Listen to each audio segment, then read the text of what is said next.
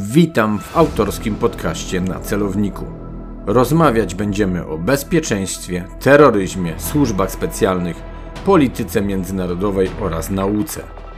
Będziemy się spotykać najczęściej jak to tylko możliwe. W ramach audycji usłyszycie Państwo komentarze i wykłady, a także rozmowy z zaproszonymi gośćmi. Zapraszam do stałego obserwowania podcastu.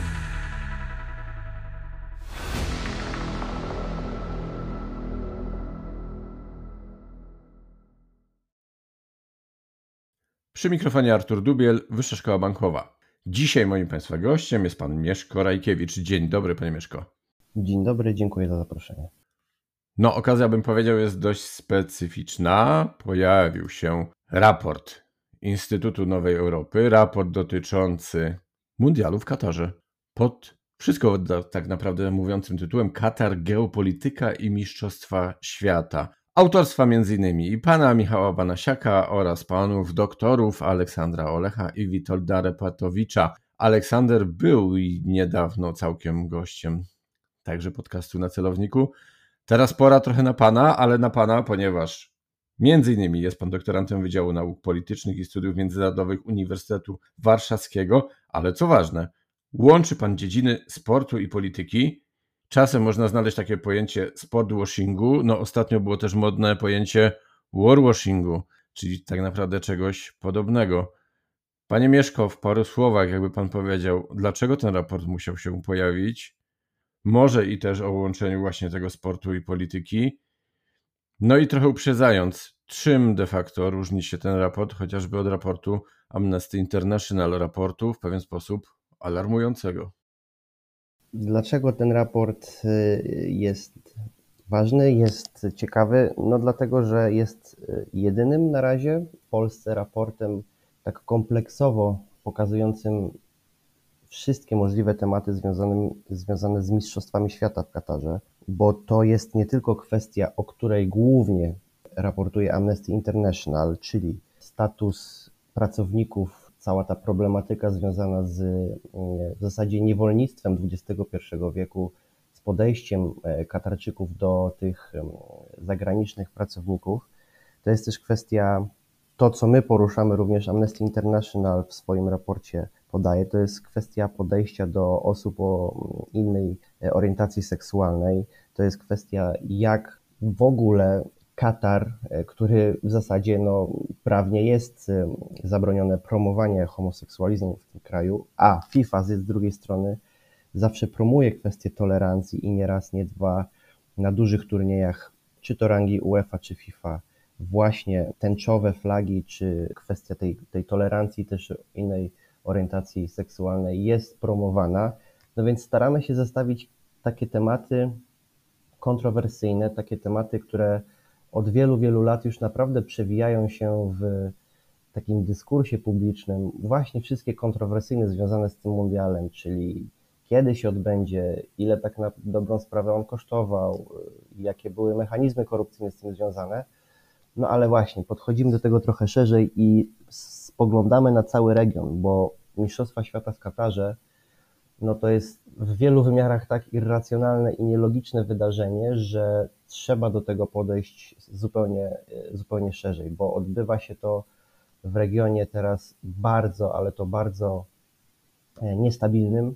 Bliski Wschód, cała ta mapa e, zależności w tym regionie jest e, niesamowicie skomplikowana i jak kiedyś się mówiło o kotle bałkańskim, tak teraz myślę, możemy mówić o kotle bliskowschodnim, bo wystarczy jeden pretekst i tam może naprawdę się posypać wiele, wiele relacji.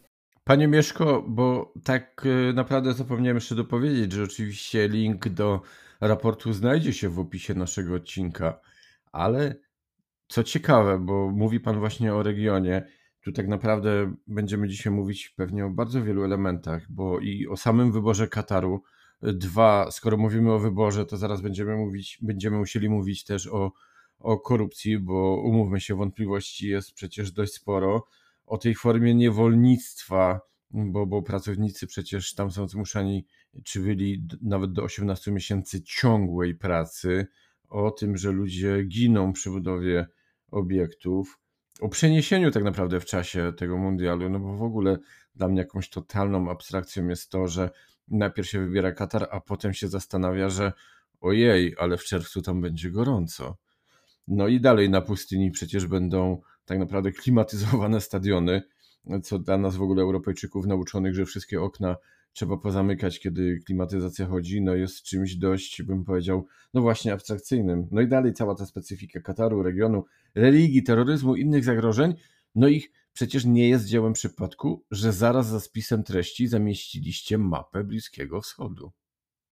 Nie jest to przypadkiem. Rzeczywiście gdzieś tam na etapie prac nad raportem zastanawialiśmy się, e, ile tych map i gdzie je umieścić, ale stwierdziliśmy, że chyba najlepiej dać na samym początku jedną dużą mapę z zaznaczonymi wszystkimi możliwymi krajami i e, nie tylko krajami w sensie mm, e, statusu prawno-międzynarodowego, ale też na przykład autonomię palestyńską, strefę gazy, czy cieśniny bardzo ważne w tym regionie. No właśnie wszystko po to, żeby na początku zobrazować z jak małym krajem w sensie mm, terytorialnym mamy do czynienia, jeśli myślimy o Katarze, a jak ogromną e, liczbą zależności w tym regionie, w zasadzie w fragmencie tylko naszego globu, e, z jak ogromną liczbą zależności mamy do czynienia. No i ten Katar, który jest wielkości mniej więcej województwa świętokrzyskiego, kto był, to, to, to doskonale zdaje sobie sprawę z tego, że można w godzinę przejechać z jednego krańca na drugi województwo świętokrzyskie. I nagle na w takim terenie mamy gigantyczny turniej, olbrzymie wyzwanie logistyczne, a mało tego, ja jeszcze zwrócić chciałbym uwagę, że osiem stadionów, które będzie gościło ten turniej, co też jest swoją drogą ewenementem, bo zazwyczaj e, Mistrzostwa Świata odbywają się na przynajmniej 12 stadionach, więc tutaj to jest kolejny rodzaj skutecznego lobbingu Katarczyków, którzy zmniejszyli liczbę stadionów i te 8 stadionów odbędzie się mniej więcej na terenie 60-kilometrowym, znaczy to nie będzie wielka odległość między tymi stadionami. Mniej więcej 60 kilometrów jest między jednym a drugim krańcowymi stadionami. No to pokazuje, że gdzieś, gdzieś naprawdę porwali się z motyką na słońce Katarczycy. Zobaczymy, jak to wyjdzie. O wielu problemach logistycznych też wspominamy w raporcie, bo trzeba pamiętać, że Katar to jest około 2 milionów stałych obywateli, natomiast przyjedzie według różnych szacunków e, milion dwieście tysięcy turystów, kibiców. No więc nagle populacja kraju zwiększy się e, bardzo mocno. To ja może takim pytaniem wejdę w Pana wypowiedź, bo porównuje Pan Katar do województwa świętokrzyskiego. Oczywiście o potencjale to w ogóle nie ma co mówić, ale z drugiej strony już liczba mieszkańców, zagęszczenie niejako, no także dysproporcja dość spora. Mówi Pan o tym, że milion dwieście tysięcy ludzi ma przyjechać. Powiedział Pan o turystach, ale pewnie to też będzie niemała grupa przecież y, poza sportowcami samych ekip.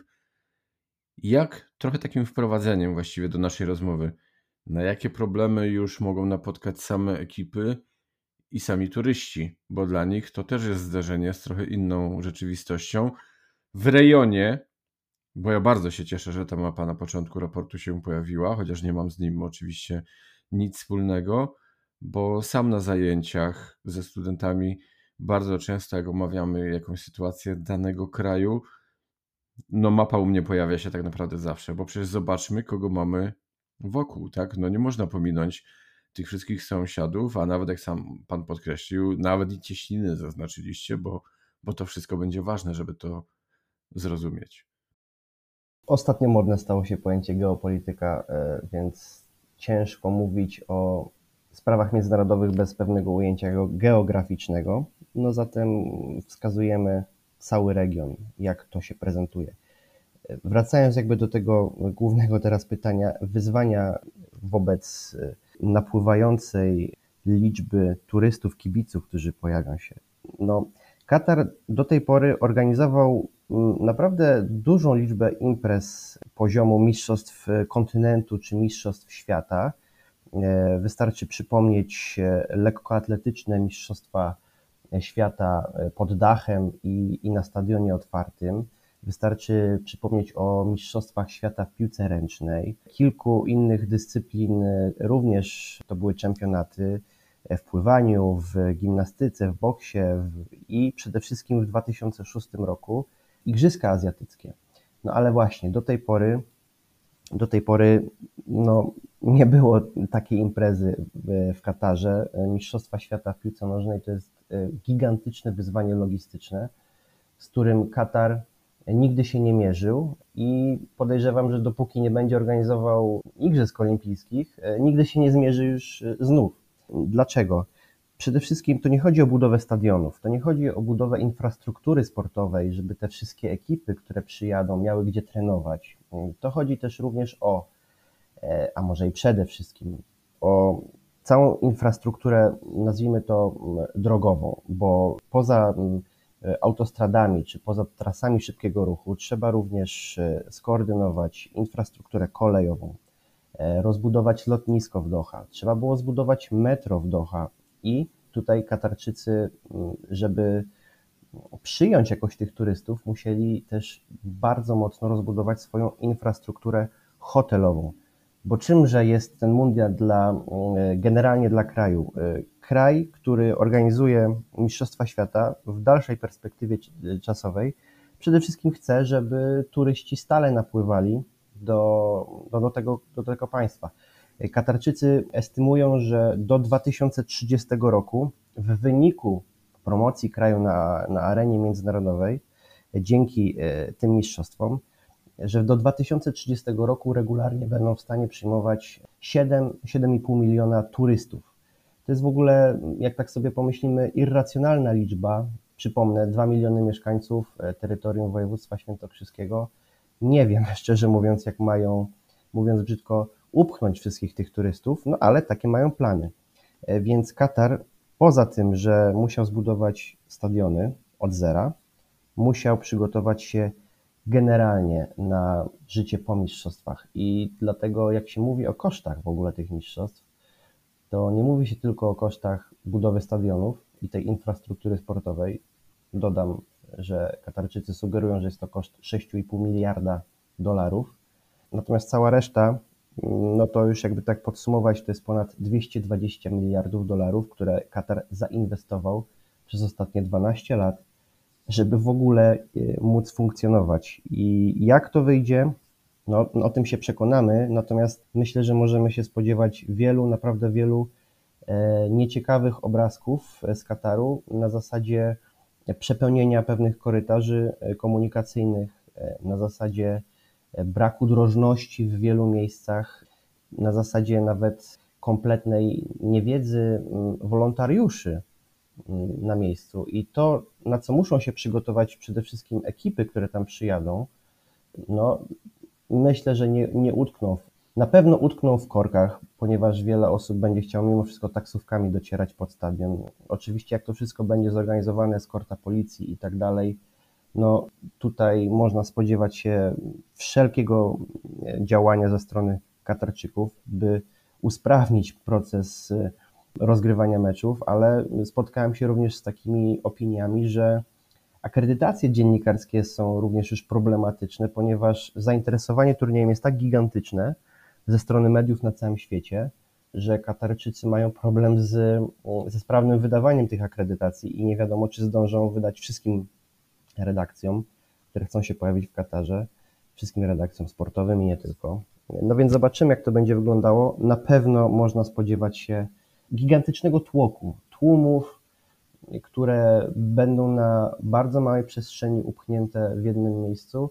Ja też e, chciałbym zwrócić uwagę, że to wszystko będzie tak na dobrą sprawę do wytrzymania e, do momentu, w którym trzeba będzie nieść pomoc medyczną kibicom. I jeśli się okaże, że karetki pogotowia nie będą w stanie sprawnie dotrzeć pod stadion czy, czy, czy w inną przestrzeń miejską, no wtedy będzie można mówić o gigantycznym e, fiasku organizacji tych mistrzostw. Mamy dzisiaj tak naprawdę w podcaście na celowniku dość specyficzne spotkanie, ponieważ jest dwóch gości, którzy są w różny sposób, ale jednak związani trochę ze sportem, trochę z polityką, trochę z bezpieczeństwem. Mój charakter niestety też jest taki, że często szukam dziury w całym. I teraz taką dziurę do potencjalnego wiercenia znalazłem. Bo mówi pan de facto o celu organizacji tego mundialu, Mówi pan, że Katar mówi oficjalnie o otwarciu na dość dużą liczbę turystów. Dla pana wręcz abstrakcyjną stwierdza pan między wierszami, że niemożliwą do przyjęcia, no to w takim razie właśnie ja, ten wiercący dziury, pyta, jaki jest ten prawdziwy cel, bo wydaje się, że nie o turystów tu chodzi. Czy to jest właśnie kwestia znowu polityki, geopolityki, budowania pewnej pozycji w regionie, a może nie tylko, bo od razu powiem szczerze, pojawiają mi się też obrazy związane, no przepraszam bardzo, ale z FIFA, z UEFA, z PZPN-em, z Gazpromem, z Rosją, z Chinami, z chodzeniem finansowym, uzależnianiem organizacji, klubów, różnego typu stowarzyszeń, korupcji, no powiedzmy sobie to wprost.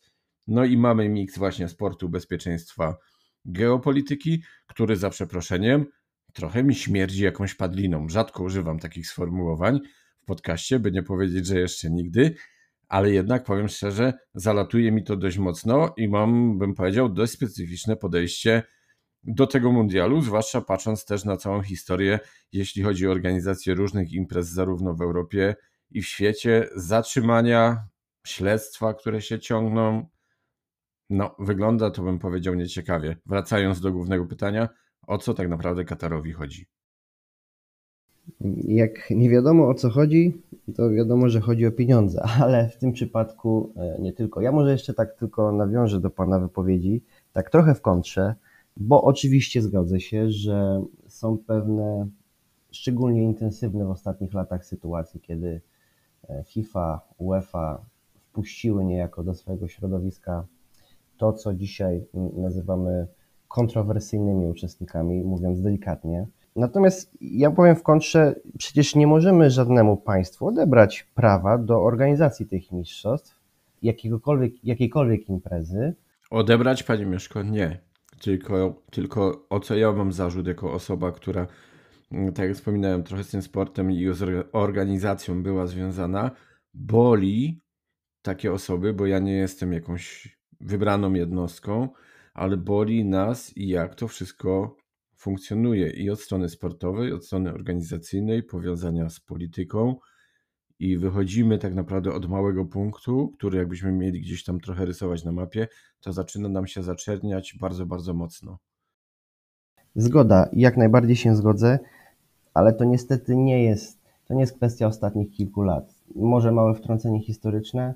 Mówi się, że FIFA stała się taką organizacją wręcz mafijną od lat 70. XX wieku, kiedy prezydentem tej organizacji został Brazylijczyk João Alange, który, no, co tu dużo mówić, wprowadził te mechanizmy mm, do procesu przyznawania organizacji Mistrzostw Świata, wprowadził na stałe mechanizmy, które dzisiaj określamy korupcją, czyli poszukiwanie nie tylko e, interesów kieszeni innego decydenta, e, żeby gdzieś upchnąć mu tę kieszeń odpowiednią liczbą dolarów i zamknąć mu usta, ale też szukanie pewnych kontraktów marketingowych, sponsorskich, kontraktów między FIFA a podmiotami z państwa, którego chce, które chce akurat zorganizować e, Mistrzostwa Świata, to nie są niestety nowe wątki, które tak na dobrą sprawę mamy przy każdej okazji, kiedy organizowany jest mundial. Katarczycy, owszem, korumpowali, pewnie za chwilkę gdzieś powiemy, jak konkretnie to wyglądało, ale Katarczycy nie byli pierwsi. Myślę, że można tutaj wspomnieć o, o Mistrzostwach Świata 2006 w Niemczech. Proces przyznania organizacji mundialu właśnie naszym zachodnim sąsiadom też nie do końca odbył się na uczciwych warunkach. Mistrzostwa Świata 1998 we Francji tak samo pojawiały się wątki korupcyjne, więc po prostu Katarczycy zagrali w grę, którą, której zasady reguluje FIFA. Co można zrobić? To chyba tak na dobrą sprawę wrzucić granat, zaorać i postawić organizację odpowiadającą za futbol od dnowa. Więc trudno, trudno oczywiście nie patrzeć na to z, z, z, z niesmakiem, e, być zdegustowanym, ale no, fakty są takie, że 12 e, lat temu w trakcie jednego e, wieczoru nie tylko Katar otrzymał mundial, ale również warto przypomnieć, że 2 grudnia 2010 roku również Rosja otrzymała prawo do organizacji Mistrzostw Świata w 2018 roku. E, dzisiaj wiemy, że to jest raczej czarna karta w historii FIFA, w historii światowego futbolu. Ale już nie odkręcimy tych wydarzeń i ja bym tylko zwrócił uwagę, co możemy zrobić nie tyle teraz, ale po mistrzostwach. Skoro jest tak silna uwaga na Katarze i na wszystkim złym, co jest związane z organizacją tych mistrzostw, czyli na przykład kwestia tolerancji, czy kwestia podejścia do statusu kobiet, czy kwestia podejścia do praw pracowniczych, to w takim razie to, co możemy teraz zrobić, to bardzo mocno kontrolować Katar po mistrzostwach i e, sprawdzać, czy faktycznie te reformy, które deklarują, że wdrożą, te liberalizacje prawa, liberalizację życia społecznego, którą deklarują, że wprowadzą na czas mistrzostw, czy to będzie faktycznie funkcjonowało i w 2023 roku i później. No myślę, że to jest wyzwanie dla, dla Zachodu, no bo nie, umówmy się, punkt widzenia zależy od punktu siedzenia. To, że my w Europie tak postrzegamy Mistrzostwa Świata w Katarze, to jest jedno, ale Chińczycy czy część państw w ogóle Bliskiego Wschodu zupełnie inaczej patrzy na Katar i w ich opinii tych kontrowersyjnych wątków jest dużo, dużo mniej. No ja muszę jeszcze dołożyć do pieca, bo chociażby przy okazji Mistrzostw Europy w Polsce i w Ukrainie, no też pojawiały się pewne informacje, że no raz oczywiście, że wybór, wybór był w pewien sposób polityczny, ale z drugiej też chociażby i Ukraińcy spotykali się również ze z pewnymi środowiskami polskimi, bo tego też nie można pominąć, i że pewne niecne działania, delikatnie mówiąc, miały miejsce. I teraz ja powiem też w kontrze znowu do Pana wypowiedzi. Ja bym nie tylko kontrolował Katar, nie tylko pokazywał, że Europa jest fajna, bo jak się okazuje, nie jest, o czym sam Pan powiedział przed chwilą. Więc może by było no nie wiem, czy jest szansa na nowe otwarcie, bo wydaje się, że te lobby, lobby niestety finansowe, jest chyba w organizacjach za silne i to, co ostatnio miało miejsce, czyli próba pewnego rozłamu, tak, bo pewne kluby chciały swoje rozrywki zorganizować. Ostatecznie to, mówiąc dość kolokwialnie, umarło i obie strony w pewien sposób się bojkotowały. No, wniosek mój jest taki, że chyba Chyba trochę nie widzę światełka w tunelu. Jest to pesymistyczna wizja. Poniekąd się z nią zgodzę. Ciężko dostrzec przyszłość futbolu, ale i sportu, patrząc na to szerzej. Bo oczywiście my tu dzisiaj rozmawiamy o nadchodzących Mistrzostwach Świata, ale wiele organizacji e, sportowych zmaga się z takimi problemami, to znaczy muszą mimo wszystko z jakiegoś źródła pobierać e, finansowanie. Najczęściej tym źródłem są kraje, które my tu w Europie oceniamy jako no, nieprzyjazne w wielu aspektach życia społecznego. Dość powiedzieć, że jest wiele organizacji, które autentycznie mają problem z wewnętrznym lobby, żeby móc utrzymać wykluczenie rosyjskich sportowców z uczestnictwa we własnych imprezach w związku z, z wojną na Ukrainie. Więc Światowy sport generalnie, oczywiście można mówić, że potrzebuje resetu, potrzebuje tego resetu od dawna. E, tutaj Pan wspomniał o tym takim piłkarskim wewnętrznym lobby w Europie. E, ten wątek Superligi, nawiasem mówiąc, kibicuję temu projektowi nie właśnie dlatego, że jestem kibicem jednego, jednego klubu e, z tego projektu, ale dlatego, że potencjalnie jest to powiew świeżości, potencjalnie jest to na tyle silny produkt, który i tutaj chciałbym zwrócić na to mocną uwagę, będzie na tyle silny, żeby nie pobierać finansowania z tych państw kontrowersyjnych. To będzie na tyle silny produkt, który będzie mógł autentycznie przyjąć pewne zasady, które e, będą opierały się pieniądzom e, z Kataru, z Chin, czy tym bardziej z Rosji. Więc, więc kibicuję temu projektowi, bo wtedy wiem, że zmusi UEFA i FIFA do pewnej wewnętrznej reformy, ale konkludując faktycznie, światełko w tunelu jest, jest bardzo mało widoczne, jeśli w ogóle, bo no, wątków tragicznych, korupcyjnych w najnowszej historii FIFA było na tyle dużo, że no już nie ma jak oczyścić tej organizacji, więc chyba po prostu trzeba postawić coś nowego, a, a Superliga jest takim wątkiem, który potencjalnie może te nowe e, elementy wprowadzić do e, globalnego ładu futbolowego, że tak to ujmę. Obawiam się, że tylko potencjalnie, bo umówmy się, tutaj też przecież tym podmiotom chodzi o pieniądze, o własne pieniądze i to taki święty projekt do końca nie jest, ale jeżeli mówimy o pewnej formie świętości i idąc w tym kierunku, który mm, podoba mi się, który Pan wskazał, czyli mówienia nie tylko o piłce nożnej, ale i o sporcie, no pojawia się taka mała świętobliwość, czyli osoba ministra Witolda Bańki, tak? Bo jego działanie na naszym podwórku na tyle się spodobało, że przecież został szefem światowej organizacji, y, jeśli chodzi o zwalczanie między innymi dopingu, tak? Tak można by w dużym skrócie powiedzieć, że od tych działań właściwie wyszła sprawa wykluczania Rosji. Najpierw właśnie pod kątem stosowania dopingu, a dalej teraz patrząc na, na dziś, takie trochę przysłowiowe, w ogóle z, z rozgrywek międzynarodowych, właśnie ze względu na prowadzenie tej wojny w Ukrainie.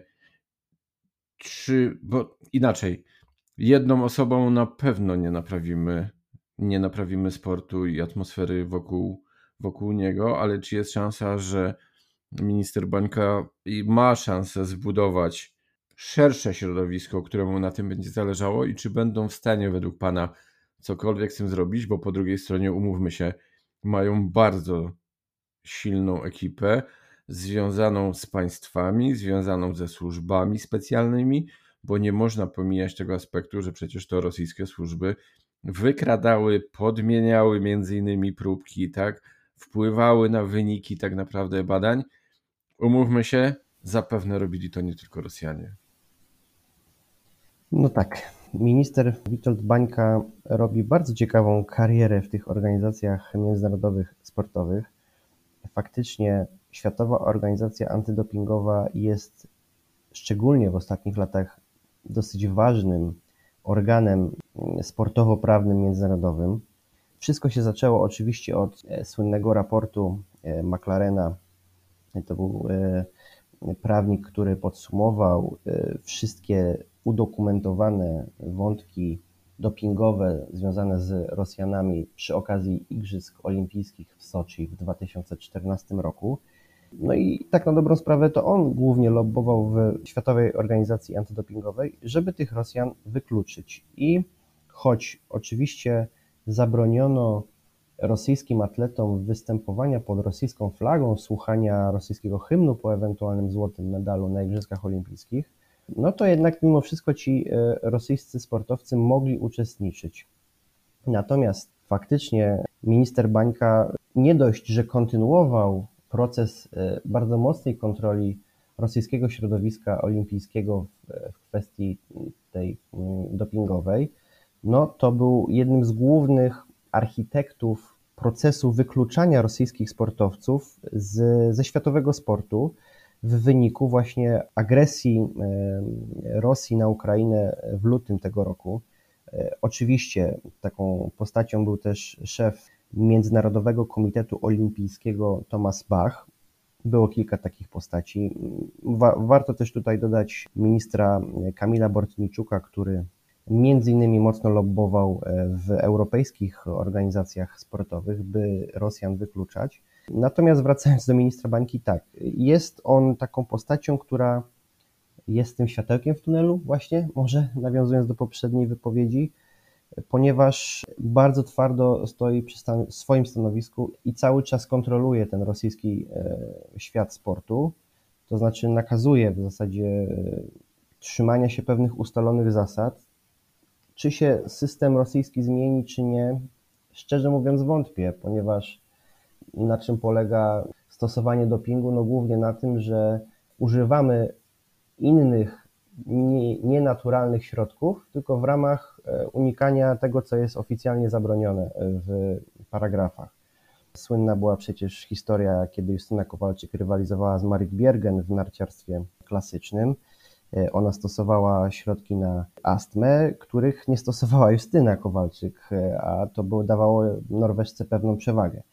No więc na tym to wszystko polega. I jest ten słynny dokument już na Netflixie, gorąco polecam odnośnie e, dopingu w Rosji. Jest to kapitalny dokument, który pokazuje, jak ten system funkcjonował od środka, ponieważ opowiada o tym twórca tego systemu dopingowego w Rosji. Więc to jest w ogóle coś nieprawdopodobnego, że taka operacja miała miejsce. No i właśnie, i WADA, czyli ta Światowa, Światowa Organizacja Antydopingowa, nadal stoi na straży tego, by Rosjan trzymać z dala od sportu, nie tylko w wymiarze już teraz antydopingowym, ale w ogóle w wymiarze politycznym, że jest silne lobby wewnątrz wszystkich organizacji sportowych, by dopuścić z powrotem Rosjan do startów. O tym już wspomniałem, no ale mm, minister Bańka wespół z, z szefem e, MKOL-u, czyli panem Tomasem Bachem, który nawiasem mówiąc też ma swoje za uszami, bo już dopuścił tych Rosjan do e, olimpijskich rozgrywek wcześniej, on zezwolił na to wszystko, teraz trochę bijąc się w pierś prowadzi taką swoją politykę, natomiast e, co tu dużo mówić, jest silny napór, by Rosjan z powrotem wpuścić do sportu, ale między innymi Polak pokazuje, że nie możemy jeszcze tego zrobić. E, dlaczego nie możemy? No to już jest jakby temat na zupełnie inną rozmowę, ale e, mimo wszystko e, nie możemy nagradzać narodu, który jawnie podjął agresję terytorialną wobec innego narodu, żeby reprezentował swoje wartości, swoje barwy, swój hymn na arenie sportowej.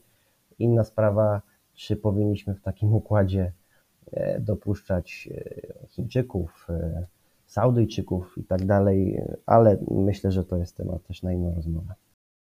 Na inną rozmowę i zdecydowanie szerszy, bo cały czas przecież jedną z tych naszych zasad było to, że nie mieszamy sportu z polityką. Jak się okazało, życie trochę nas zmusza do takich ruchów. Witold Bańka, tak trochę pół żartem, pół serio, Witold Bańka i jego środowisko chyba powinno się trochę pilnować, bo na pewno będą próby ich dysk dyskredytowania, podsuwania pewnych rzeczy, żeby można było właśnie ich publicznie zdyskredytować, a może ich właściwie nawet i fizycznego bezpieczeństwa powinni pilnować. A tak jak mówię, trochę pół żartem, pół serio, może i czarnym też humorem, ale znając Rosjan będą się łapać wszystkich możliwych środków, a jeszcze tak trochę dodając, przecież też pamiętamy historię na pewno hokeistów, zdaje się, że też i koszykarzy z zawodowych lig amerykańskich, którzy też występowali na niektórych imprezach jako jedyni wyłączeni z kontroli antydopingowej, więc jak widać ten sport trochę, jak się patrzy w niego w głębiej, to jest taki brudny i jest brudny nie od wczoraj. Od czasu do czasu w telewizji można chociażby zobaczyć film Piłkarski Poker, nie? Panie Mieszko. Ale dobra, ja bym chciał, żebyśmy wrócili trochę do kwestii jeszcze związanych z bezpieczeństwem. Na co tak naprawdę zarówno ekipy sportowe, mówię o, o, o szeroko, nie tylko o piłkarzach, ale i też ci, którzy przyjadą ze świata mediów, z tych turystów, których miliony, przepraszam, no ponad milion ma napłynąć, na co właściwie w codziennym jakby funkcjonowaniu, bo impreza to nie tylko mecz, powinny uważać, jakie są te różnice kulturowe, bo my tak naprawdę, umówmy się, Kataru trochę nie znamy. Ja taką trochę misję ostatnio pełnię, bo zapraszam gości, rozmawiamy między innymi o Chinach, które wcale nie są tak nam znane. Rozmawiamy ostatnio także o Iranie, a tam się też wiele dzieje, a jakby nie patrzeć, to nie są jakieś wielkie kilometry dzielące chociażby Katar od Iranu. Na co właśnie goście Kataru powinni uważać w codziennym funkcjonowaniu, bo przecież będą służby porządkowe podejmować pewne działania, będą podejmować pewne interwencje. Sam pan wspomina o tych zarzutach wobec Kataru w stosunku do osób, które no, swoją orientację seksualną, że tak powiem, inaczej przedstawiają. To jest kwestia też kobiet i pewnie jeszcze paru, jak nie parunastu innych aspektów. I taki nie do końca świadomy uczestnik no chyba może sobie narobić pewnych problemów w Katarze. Więc czego się spodziewać po stronie katarskiej, po stronie służb? No bo tutaj też może dojść do pewnych zgrzytów, wręcz dyplomatycznych ostatecznie. W zasadzie tego, co możemy się spodziewać, dokładnie nigdy nie wiadomo, ale można zwrócić uwagę na kilka elementów, o których warto pamiętać. E, przede wszystkim warto pamiętać, że wjeżdżając do jakiegokolwiek kraju, trzeba szanować jego kulturę i system prawno-społeczny. Więc na przykład to, co nam się może tutaj z naszej europejskiej perspektywy wydawać normalne, czyli duża impreza sportowa z dostępem przynajmniej do piwa e, alkoholowego, w Katarze może być e, nie tak proste do e, zrealizowania. obowiązuje zakaz spożywania alkoholu w tym kraju. Chociaż już są wyznaczone pewne konkretne zasady, jak to ma wyglądać przy mundialu, na przykład w strefie stadionowej wokół stadionu, ale nie na samym stadionie.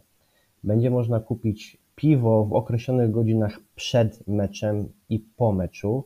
Piwo na pewno będzie można kupić i w ogóle alkohol e, w hotelach, w specjalnych strefach w hotelu. Natomiast no tutaj europejscy kibice, mm, mam przed oczami obrazki Anglików, Holendrów, Niemców, którzy bardzo chętnie spędzają czas przed meczem w ogródkach piwnych na mieście i tak dalej.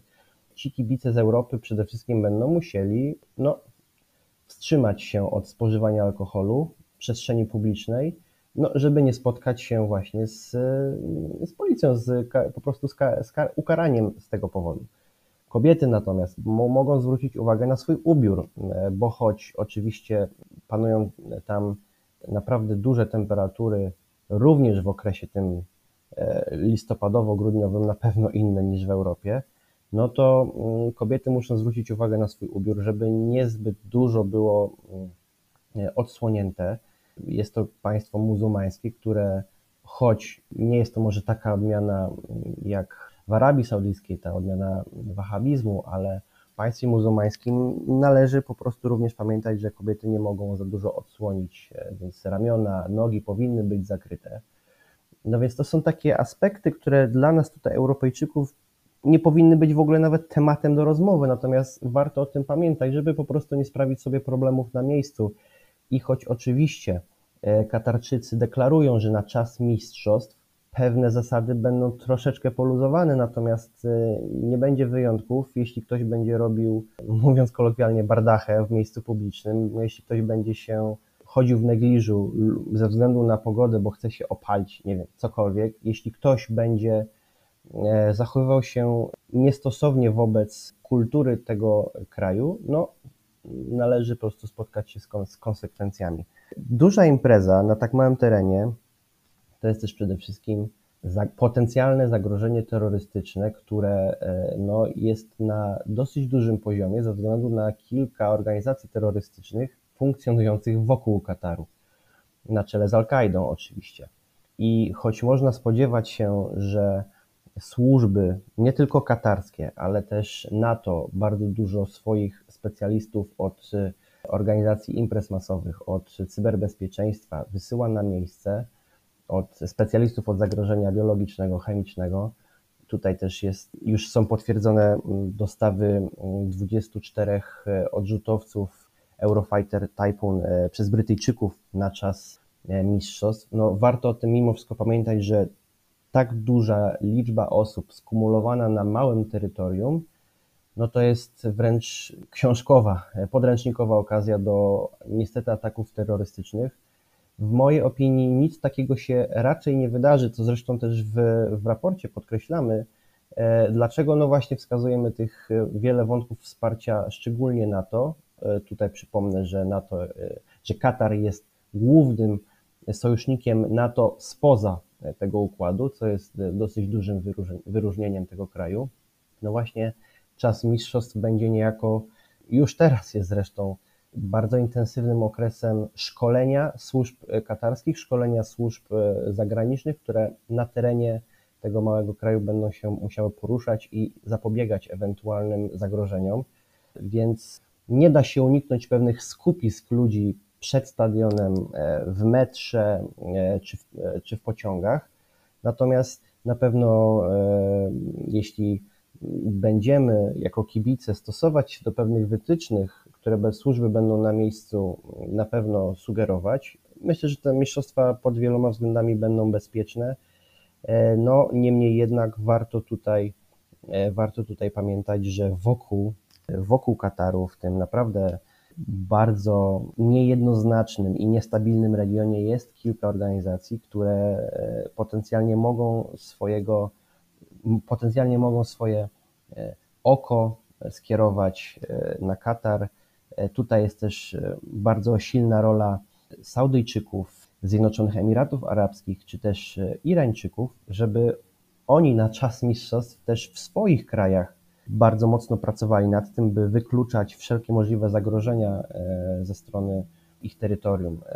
No, jest naprawdę mnóstwo, mnóstwo ciekawych z naszej perspektywy wątków, ale warto o nich pamiętać. I co tu dużo mówić, te pewne przysługi dyplomatyczne dla Kataru, które gdzieś teraz się wokół dzieją, e, nie zawsze mają też taki wymiar, e, jakby państwo z regionu chciało, żeby miało, bo na przykład Katar w zasadzie ma bardzo złe relacje lub ich nie ma z Izraelem, a już teraz jest deklaracja, że będzie do Kataru około 15 tysięcy, może 20 tysięcy kibiców z tego kraju.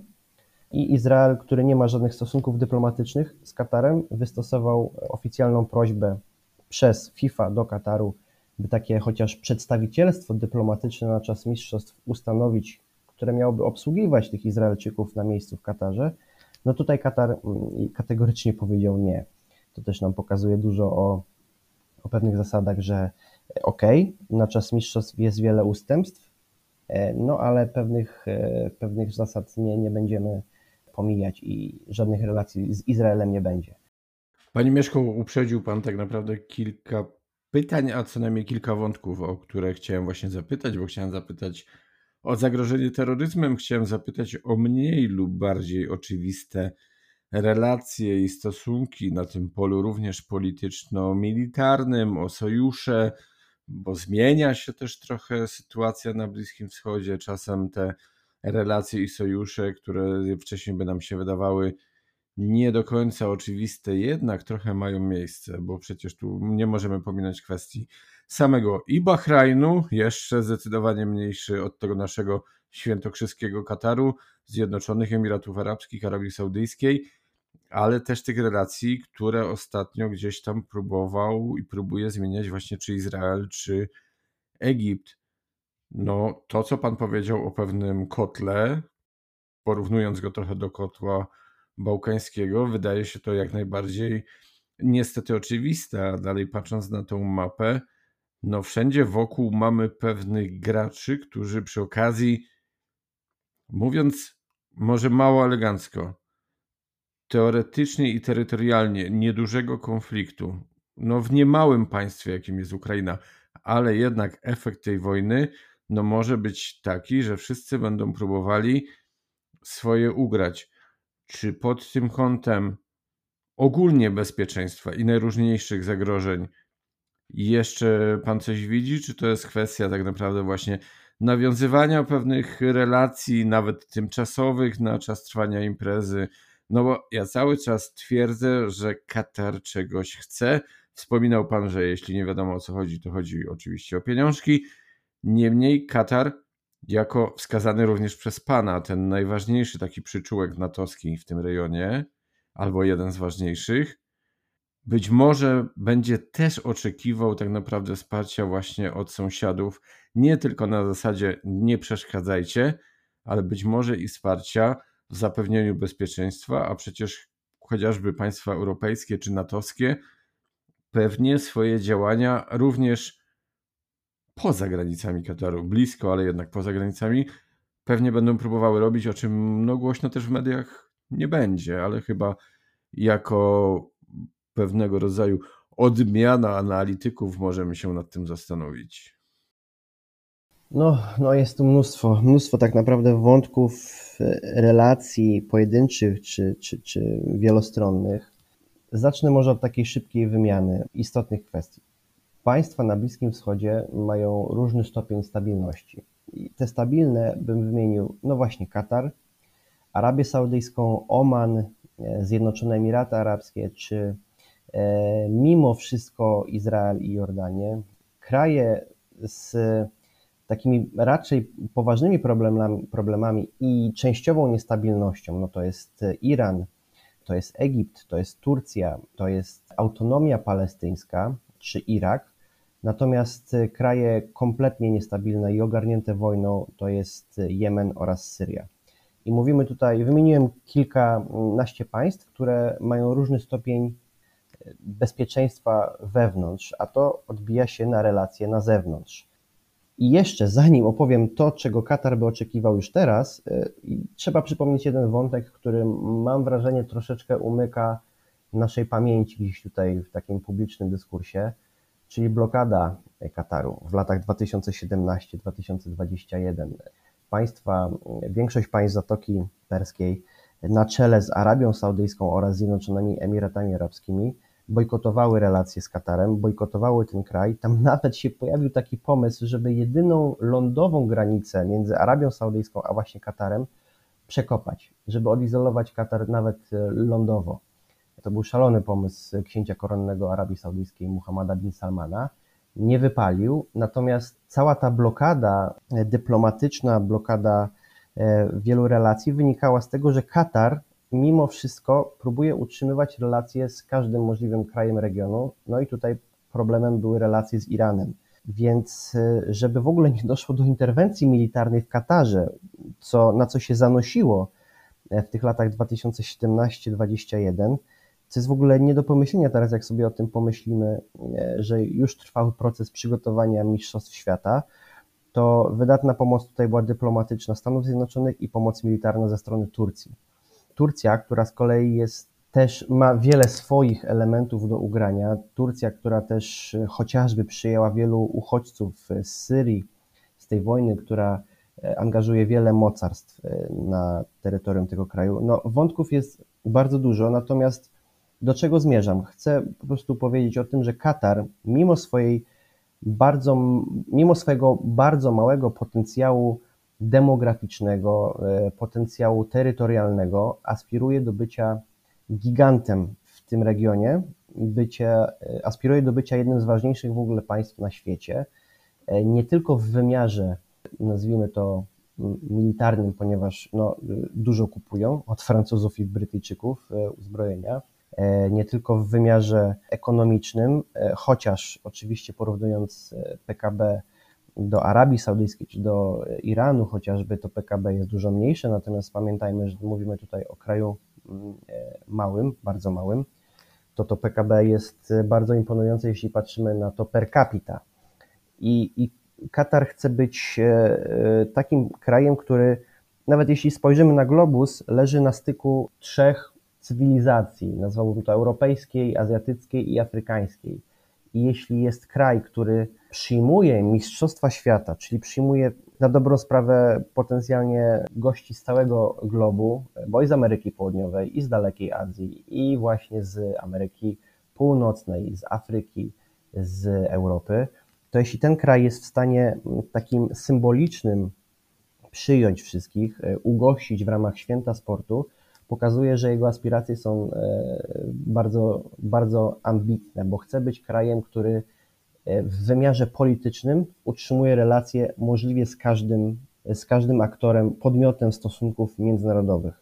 Zarówno patrząc na kraje, które my tu w Europie oceniamy raczej negatywnie, właśnie jak Rosja, jak Chiny, czy przyjmując tutaj gości z Iranu, ale jednocześnie z Arabii Saudyjskiej, która Arabia Saudyjska jest arcywrogiem Iranu i, i w drugą stronę. E, no więc ten Katar, ten malutki punkcik na Bliskim Wschodzie chce być takim miejscem e, spotkania wielu kultur, e, wielu interesów politycznych, no i oczywiście, co za tym idzie, wielu biznesów. Więc aspiracje są bardzo duże i tym mundialem Katar chce pokazać, że przede wszystkim A są zdolni do organizacji czegoś wyjątkowego, B są zdolni do nawiązania relacji z wieloma, z wieloma e, aktorami, również tymi wrogimi. Tutaj pewnym takim symbolicznym e, wydarzeniem jest goszczenie rozmów amerykańsko-irańskich właśnie na terytorium Kataru, gdzie druga runda odbędzie się w trakcie samych mistrzostw, bo o ironio, Amerykanie i Irańczycy są w jednej grupie na Mistrzostwach Świata, więc to spotkanie na płaszczyźnie sportowej się odbędzie, ale dam sobie rękę uciąć, że okazja tego spotkania w trakcie mistrzostw to będzie to również okazja do kolejnej rundy negocjacji na terytorium Kataru między Amerykanami a Irańczykami. Także tych wątków jest mnóstwo. Ja bym wskazał mimo wszystko na to, że Ira y, Katar chce być takim miejscem styku kultur, biznesu i interesów, a mundial ma to pokazać. Tak trochę żartując, to szukałem dziury w całym. Coś mi się zdaje, że nie było w przypadku przypadku w tym, że Iran się ze Stanami spotkały w jednej grupie. No właśnie. Ale dobrze. I inaczej jeszcze troszeczkę zapytam, bo na pewno impreza patrząc tak bardzo, bym powiedział, zero-jedynkowo, od momentu rozpoczęcia przygotowań, po jej zakończenie, po finał wręczenie medali, no to umówmy się, taka impreza nie zwraca się. To można patrzeć w dalszej perspektywie i nie do końca jakby dolar za dolara. Czy można w pewien sposób podsumować, że Katar chce trochę nowego otwarcia, pokazania siebie w ogóle w świecie i to, co Pan zauważył, że pewnego rodzaju trójstyk jako miejsce, nie wiem jak to ująć, spotkań, łączenia, wzajemnego zrozumienia i możliwości funkcjonowania, no nie chcę użyć słowa, że w zgodzie, ale takiego współistnienia. No właśnie, jakby impreza sportowa y, nigdy się nie zwróci. E, nie zwróci się od razu. Tutaj wspomniałem wcześniej, że generalnie na organizację nie tyle mistrzostw, co w ogóle całej infrastruktury Katar wydał już ponad 220 miliardów. Tutaj prognozują, że zamkną się w 229 miliardach dolarów. Natomiast wpływy do budżetu e, z tytułu tej imprezy będą na poziomie 15, może 17 miliardów. No to już widać, że na starcie to jest w ogóle nieopłacalna impreza. Natomiast faktycznie w dłuższej perspektywie ten ruch turystyczny, no, który jest mimo wszystko ważny dla tego kraju, jest istotnym elementem i pozwoli wzbogacić, wzbogacić się w tej dłuższej perspektywie.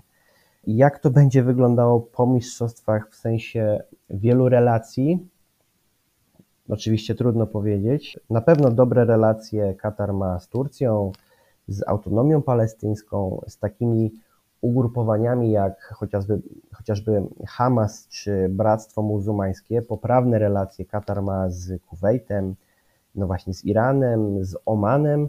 Relacje formalnie prawne, poprawne, e, ale takim raczej dużym potencjałem na jakiś konflikt, no to jest Irak, to jest Arabia Saudyjska, to jest, to jest też Egipt czy Zjednoczone Emiraty.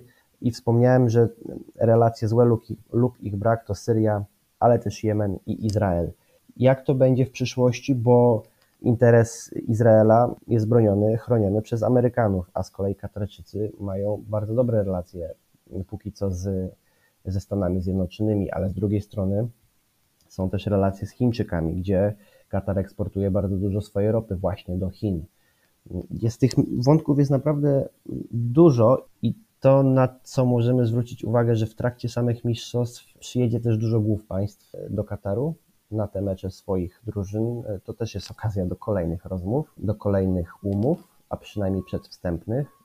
Katarczycy tym mundialem przede wszystkim dają sobie możliwość otwarcia na świat, bo jak sięgniemy pamięcią do 2006, 2008, 2010 roku, ciężko by było zapytać kogokolwiek e, na ulicy, żeby wskazał Katar, gdzie jest. Teraz jak zapytamy, to mam wrażenie, że 6 osób na 10 e, dokładnie pokaże przynajmniej w którym miejscu na świecie szukać Katar.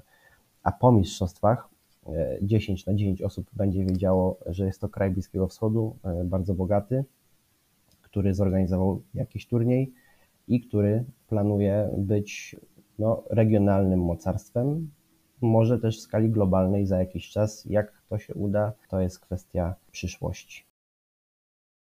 Nie sposób nie zwrócić uwagi na wielkość Kataru na mapie, no zwłaszcza w sąsiedztwie tak dużych państw jak chociażby Arabia Saudyjska, nie ona zresztą jedyna.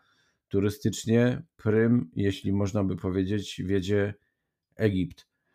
Ale patrząc także pod kątem najróżniejszych wpływów różnych graczy, osłabiania de facto też roli Rosji także przez Chińczyków, chociaż oczywiście Rosjanie Chiny mają za swojego sprzymierzeńca, co nieco się tam zmienia, zwłaszcza rozmawiałem o tym ostatnio w dwóch właściwie odcinkach z doktorem Niewińskim na temat Chin, zbliżającego się też zjazdu Komunistycznej Partii Chin, roli czy utrzymania władzy przez Xi Jinpinga, Chiny ostatnio udzieliły przecież mocnego poparcia i gwarancji bezpieczeństwa Kazachstanowi.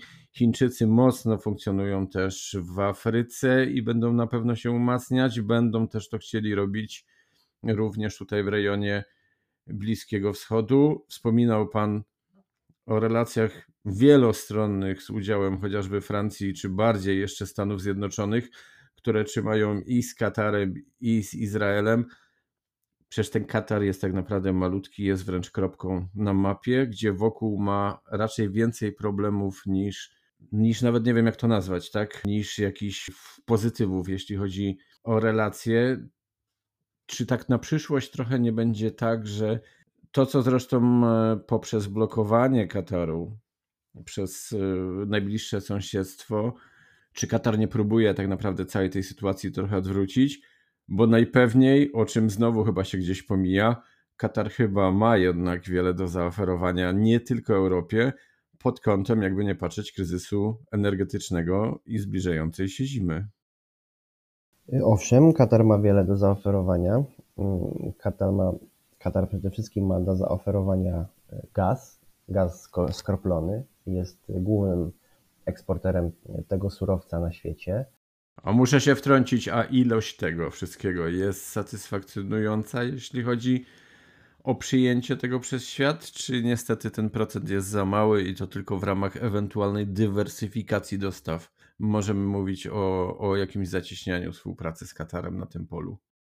Katar oczywiście nie, sam nie spełni całego zapotrzebowania globalnego, ale szacuje się, że złoża gazu Katar ma, jeśli chodzi o potencjał, trzecie na świecie, natomiast jest liderem, jeśli chodzi o wydobycie i eksport. Wszystko przez e, opracowane technologie, wszystko przez to, że mm, Amerykanie dali swoje know-how i funkcjonują tam razem. Jest też e, taki ambitny plan, żeby w Katarze powstało największe takie konsorcjum energetyczne w regionie, które właśnie będzie na szerszą skalę eksportowało e, LNG. I tutaj musimy też wspomnieć o ropie. Katarczycy nie są liderem, jeśli chodzi o eksport ropy, nie są też liderem, jeśli chodzi o wydobycie. Natomiast są w drugiej dziesiątce. To jest też e, dosyć istotna część gospodarki katarskiej, ale no właśnie ten gaz skroplony i tutaj już teraz są pewne umowy, które zobowiązują Katar do kontynuowania pewnych dostaw, głównie do mm, Azji, czyli do Chin, do, do Japonii, do Pakistanu. Dość powiedzieć, że jeśli dobrze pamiętam, e, katarski e, gaz skroplony to jest 20% zapotrzebowania chińskiego. No więc jeśli tak mały kraj jest tak tak e, dosyć mocno wypełnić zapotrzebowanie takiego giganta jak Chiny, to pokazuje, że przyszłość dostaw do Europy z Kataru jest potencjalnie dobra. Tylko no, nie od razu, ponieważ Katarczycy mają zobowiązania już teraz, z których nie mogą zrezygnować, i co jest oczywiście problematyczne w kwestii pozbycia się rosyjskiego gazu w Europie. No, jednak jest to alternatywa i na pewno w tym kierunku idą europejskie mocarstwa, na pewno w tym kierunku też działają Francuzi, e, Brytyjczycy, dość powiedzieć, że Francuzi poza tym, że chcą oczywiście być pewnym liderem, jeśli chodzi o europejskie kraje, liderem w kontaktach z Bliskim Wschodem, to e, no to oczywiście roszczą prawo do tego, by być też liderem, jeśli chodzi o pobór surowców energetycznych e, z tych państw. Więc myślę, że w ciągu następnych dwóch, trzech lat możemy spodziewać się pierwszych e, konkretnych umów i dostaw do Europy. Mamy ten nasz gazoport w Świnoujściu, który jest gotów przyjąć naprawdę duże ilości tego surowca, więc tak, w dłuższej perspektywie myślę, że Katar będzie i do Polski dostarczał e, skroplony gaz. I jest to na tyle duży potencjał, by zaspokoić rynek europejski wraz oczywiście z innymi dostawcami, jak chociażby amerykańskimi e, dostawami. Natomiast to, na co warto zwrócić uwagę, to jest ta relacja z tymi Chinami, bo o ile można powiedzieć, że Katar z Rosją ma dosyć chłodne relacje, ponieważ no jest bezpośrednim konkurentem na rynku gazowym e, Rosja dla Kataru, o tyle właśnie Chińczycy są odbiorcą surowców katarskich i ci Chińczycy przyglądają się w zasadzie całemu regionowi e, trochę tak horyzontalnie, tak trochę może z lotu ptaka, bo oczywiście również są obecni w Katarze nawiążę z powrotem do mundialu. Chińczycy również pomagali w budowie e, stadionów e, na Mistrzostwach Świata. E, jeśli dobrze pamiętam, jest to stadion, na którym odbędzie się finał, czyli ten stadion w Luzaju. Także Chińczycy są obecni w Katarze. Panie Mieszko, muszę wejść w zdanie. No, jakby nie patrzeć, po Chińczycy w związku z COVID-em prowadzili dość, bym powiedział, ciekawą politykę, tak? Bo tym, którym, których nie było stać na zakup szczepionek, to oni bardzo chętnie te szczepionki dawali. Wchodzili oczywiście też w budowanie infrastruktury, dawali pożyczki, bym powiedział, takie, które z zasady wiedzieli, że będzie problem z ich spłacaniem. No i no, świeże informacje mówią o tym, że zaczynają sobie rościć jednak, że chcemy zwrotu. Nie musicie dawać kasy, wystarczy ziemia. I kilka już podmiotów w rejonie zaczyna mieć problem i się zastanawiać nad tym, czy faktycznie tą ziemią Chinom nie płacić. Jak znam życie, rachunek będzie bardzo prosty. Nie chcemy wielkich kawałków ziemi, dajcie nam nad wodą eksterytorialny port. No i zaczyna się znowu problem chyba trochę, trochę rozrastać. Ale żebyśmy nie odbiegali od tematu, bo tak jak sam pan mówi, no tych tutaj jakby relacji najróżniejszych jest, jest całe multum. Czy można trochę podsumować, że wybór Kataru na organizatora Mistrzostw Świata, na organizatora Mundialu, no był na pewno dealem politycznym, tak? Po, abstrahując już trochę od kwestii oczywiście korupcji, nikt wtedy sobie nie zdawał sprawy jeszcze o tym, co będzie się działo w Ukrainie, ale patrząc na to z dzisiejszego punktu widzenia, widać, że wojna, no niestety wojna w Ukrainie Katarowi trochę się opłaca, bo jego pozycja znacząco wzrośnie, a ten mundial w tym wszystkim stety, niestety, ale pomoże. Tak, pozycja już urosła, pozycja urośnie jeszcze bardziej. Tragiczny e, bilans polityczny wojny w Ukrainie dla, dla naszego regionu jest pozytywnym bilansem dla Kataru, bo no, Europa Zachodnia zdała sobie sprawę z tego, że jednak e, trzeba szukać alternatyw dla surowca rosyjskiego, no a mundial i dosyć bliskie e, relacje Francuzów czy Brytyjczyków z Katarczykami są takim punktem odniesienia do, do rozmów w sprawie dostaw surowca, surowców katarskich do Europy Zachodniej, w ogóle do Europy. Także na szczęście dla Katarczyków ta wojna gdzieś po prostu wzmocniła pewne, pewne elementy negocjacyjne dla Katarczyków i co tu dużo mówić, Europa jest pod ścianą e, i Europa będzie musiała się zgodzić na wiele E, na wiele ustępstw, e, czy to jeśli chodzi o ceny, czy na przykład długość trwania kontraktu. I jeszcze mm, tak może troszeczkę konkludując odnośnie samych mistrzostw, ja bym chciał zwrócić uwagę na, na te dwa, dwa istotne wątki. Kwestia tej korupcji, która tak nam się tutaj gdzieś przewijała, jak konkretnie ona mogła wyglądać? Oczywiście była korupcja polityczna, to jest ten, tak w dużym skrócie powiem, spotkanie między prezydentem Francji, prezydentem UEFA ówczesnym Michelem Platini oraz przyszłym emirem Kataru, dzisiejszym emirem e, e, Kataru e, w, w Pałacu Elizejskim na kilkanaście dni przed procesem głosowania nad gospodarzem.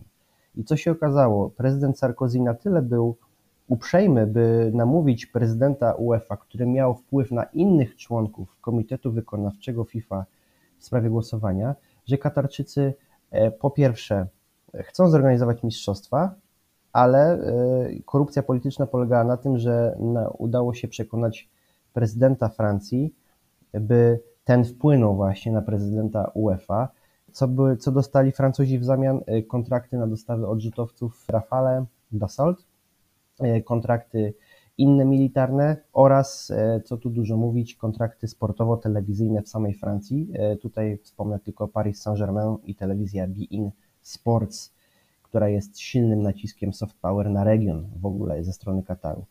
I to była korupcja polityczna. Jak wyglądała korupcja finansowa? Wątków jest kilka. Ja bym wyróżnił poza oczywistym dosypywaniem do cudzej kieszeni kilku milionów dolarów bezpośrednio do osób decyzyjnych, ja bym wyróżnił takie, takie bliżej nieokreślone umowy. Telewizja katarska Al Jazeera zaproponowała kontrakt telewizyjny do FIFA w wysokości 400 milionów dolarów za prawa do transmisji Mistrzostw Świata. Oni to zaproponowali też kilkanaście dni przed e, ogłoszeniem organizatora Mistrzostw Świata. Dodatkowo e, rząd Kataru dwukrotnie zadeklarował dopłatę do tej umowy. Pierwsza dopłata to jest taki ekstra dodatek z racji przyznania Katarowi e, tej organizacji. Powiedzieli FIFA, słuchajcie, jeśli my dostaniemy e, ten mundial, dorzucimy 100 milionów dolarów. I jeszcze jest kolejna dopłata, też bliżej nieokreślona, związana z umową telewizyjną i tutaj też nie telewizja już Al Jazeera, ale również rząd Kataru dosypał kolejne 480 milionów dolarów do FIFA, czyli sumując 980 milionów dolarów FIFA otrzymała od Kataru w bliżej niewyjaśnionych okolicznościach, teoretycznie pod pretekstem umów telewizyjnych. Dzisiaj wymiar szwajcarski, wymiar sprawiedliwości Szwajcarii bada te umowy, czy one były poprawnie, zgodnie z prawem przetargu wewnątrz regulacji szwajcarskich FIFA e, rozwiązane. No więc to pokazuje, że to nie jest tylko korumpowanie na zasadzie fizycznie konkretnej osoby, to jest przede wszystkim gigantyczna umowa, która jest nie do końca jawnie wdrażana, nie do, nie do końca jawnie negocjowana, więc Katarczycy, no, skala ich działań politycznych, finansowych, korupcyjnych jest doprawdy imponująca. Mając na myśli uczciwość w pewien sposób działania organizacji tych piłkarskich, to słowo transparentność chyba nie stoi gdzieś tam z nimi w parze, tak trochę złośliwie podsumowując. Panie Mieszko, na koniec krótkie takie pytania, więc bym prosił też o względnie krótkie odpowiedzi. Mundial mamy w grudniu. Kiedy mamy się spodziewać ewentualnych kontraktów i zmian nie tyle w relacjach, ale w tym, co Katar będzie znaczył dla Europy i świata? Pierwsze przedwstępne umowy myślę, że już w listopadzie tego roku, może w trakcie samych mistrzostw. E, mistrzostwa są listopad-grudzień. Natomiast konkrety pierwsza połowa 2023 roku. Tutaj Katarczycy mm, mają dużo czasu na negocjacje, ale Europa ma tego czasu mało, więc to będzie się musiało dziać szybko. Okej, okay, dziękuję. Druga kwestia, bo nie możemy tego pominąć. Kwestia, nazwał to pan niewolnictwem, trochę taką pracą przymusową. Z tego, co mówiły różne doniesienia, to pracowali tam nie tylko obywatele Kataru, ale może nawet i przede wszystkim obcokrajowcy tej, tej ich ciężkiej pracy nieprzerwanej, podkreślę nawet przez 18 miesięcy, śmierć pracowników, zero wręcz zasad BHP. Jak społeczeństwo w ogóle Kataru na to wszystko patrzy, czy ewentualnie społeczeństwa bądź rządy innych krajów, które wysyłały tam swoich pracowników? Czy tutaj społecznie jakby tak trochę jest temat przemilczany, czy jednak coś się dzieje w tym aspekcie? Głównie pracowali imigranci z biedniejszych państw Afryki czy Azji. Jeśli chodzi o podejście samych rdzennych Katarczyków, tak to ujmę, było dosyć, hmm, mówiąc, no mówiąc brzydko, relacje trochę pan i chłop e, pańszczyźniany. Ten słynny już system kafala polegał na tym, że osoba organizująca pracę e, i pobierająca wynagrodzenie z tytułu pracy to były jednak dwa różne e, światy, ponieważ ten, który organizował pracę, tak zwany kafil, mógł nawet zabrać paszport temu swojemu pracownikowi i oczywiście płacił mu co miesiąc w teorii, natomiast realnie były to kilku, kilkunastomiesięczne e, opóźnienia w, w wypłatach. Pracowali w ciężkich warunkach atmosferycznych. Jest takie katarskie rozporządzenie, które mówi o tym, że nie można pracować w okresie e, czerwcowo-sierpniowym, w wyznaczonych godzinach na zewnątrz, najczęściej 10-15. Potem ten okres troszeczkę rozszerzono, ale skończyło to się e, niestety śmiercią e, według, według organizacji międzynarodowych ponad 6,5 tysiąca pracowników. I nie była to śmierć wynikająca z wypadku na terenie budowy, tylko po prostu z wycieńczenia, e, z fatalnych warunków pracy. I choć Katarczycy zarzekają się, że zmienili ten system, to niestety zmienili go trochę za późno a z drugiej strony e, powoduje to trudne fragmenty w relacji z wieloma państwami. Tutaj jest przykład Indii, których kilkuset pracowników zginęło właśnie w Katarze, Hindusów, i rząd indyjski wystosował oficjalny apel do rządu katarskiego w celu wyjaśnienia tych okoliczności e, tragicznych. I choć oczywiście trudno teraz mówić o pewnych konkretach, że rząd Indii będzie zrywał relacje z Katarem, to na pewno rząd Indii będzie inaczej podchodził. To samo dotyczy Pakistańczyków, którzy pracowali w Katarze. Katar bardzo dużo eksportuje do e, Pakistanu gazu czy ropy, natomiast Pakistan może w tej chwili jakby oczekiwać pewnych wyjaśnień w kwestii śmierci wielu Pakistańczyków w Katarze. E, jest to, jest to tragiczna sytuacja, która w teorii uległa zmianie, w praktyce niestety nie uległa zmianie i taką, nazwę to smutną klamrą, trzeba powiedzieć, że na bodaj 19 oficjalnych sponsorów mistrzostw, e, tylko czterech zrobiło absolutne minimum ponad to, że wydali jakieś oświadczenie e, prasowe, w którym potępiają i wzywają e, Katarczyków do poprawy statusu pracowników w tym kraju i tylko czterech tych sponsorów zrobiło odrobinę więcej, to znaczy wzięło udział w jakichkolwiek, w jakichkolwiek badaniach i wsparciu finansowym tych pracowników, ale realnie nie ma to żadnego znaczenia teraz, ponieważ no, śmierć poniosło już ponad 6,5 tysiąca osób, to nie, nie wróci życia tym osobom, a że tak powiem wysłanie do rodzin tych zmarłych pracowników pieniędzy to nie jest jakby wartość e, dodana, to nie jest w zasadzie żadna wartość i niestety wiele tych tragicznych historii było zasypywanych pod dywan, e, więc myślę, że po Mistrzostwach Świata należy spodziewać się również uciekania od tego tematu. Panie Mieszko, niejako na sam koniec, Wątek polski, bo o nim chyba się mało trochę wspomina, jeśli chodzi oczywiście o Katar. Wątek polski? Mhm. No tak, już mówię. W ramach koalicji antyterrorystycznej postanowieniem prezydenta przedłużono okres użycia polskiego kontyngentu wojskowego między innymi w Iraku, bo to jest jeden kontyngent. Irak, Jordania, Kuwait i oczywiście Katar.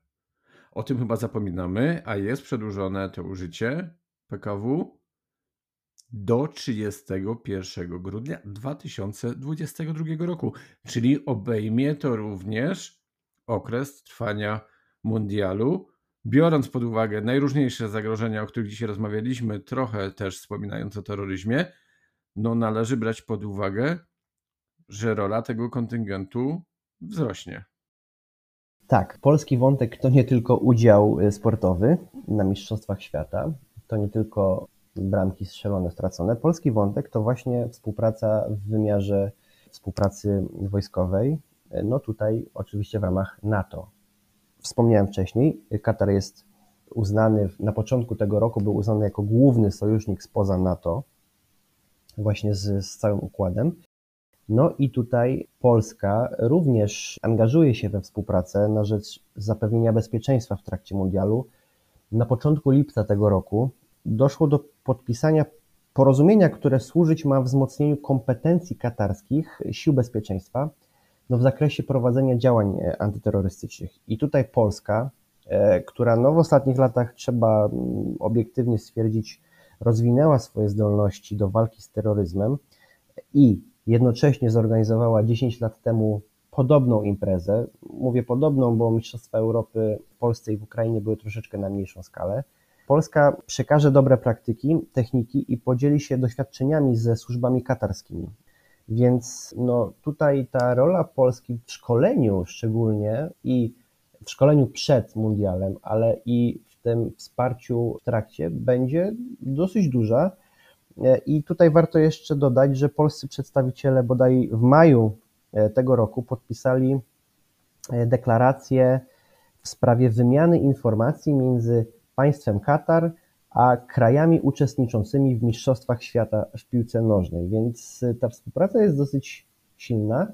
My nie dostarczamy E, może sprzętu, tak jak Brytyjczycy czy Francuzi, my za to dostarczamy wiedzę i, i warto o tym pamiętać, warto o tym przypominać, bo wszelkie sukcesy związane z zapewnieniem bezpieczeństwa tej imprezy to też częściowo wynik e, polskich działań. Mała uwaga. Myślę, że należy powiedzieć, że skoro mówimy o wymianie informacji, to mówimy też o świecie dyplomacji i służb specjalnych.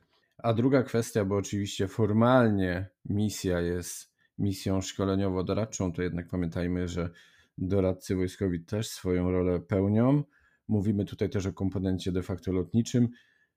No i wskazywanie, bo była krytyka oczywiście wysyłania tej misji na samym początku, no to loty patrolowe, o czym też musimy powiedzieć, też mają charakter tak naprawdę działania bojowego i wydaje mi się, że na, wymagało to pewnego komentarza.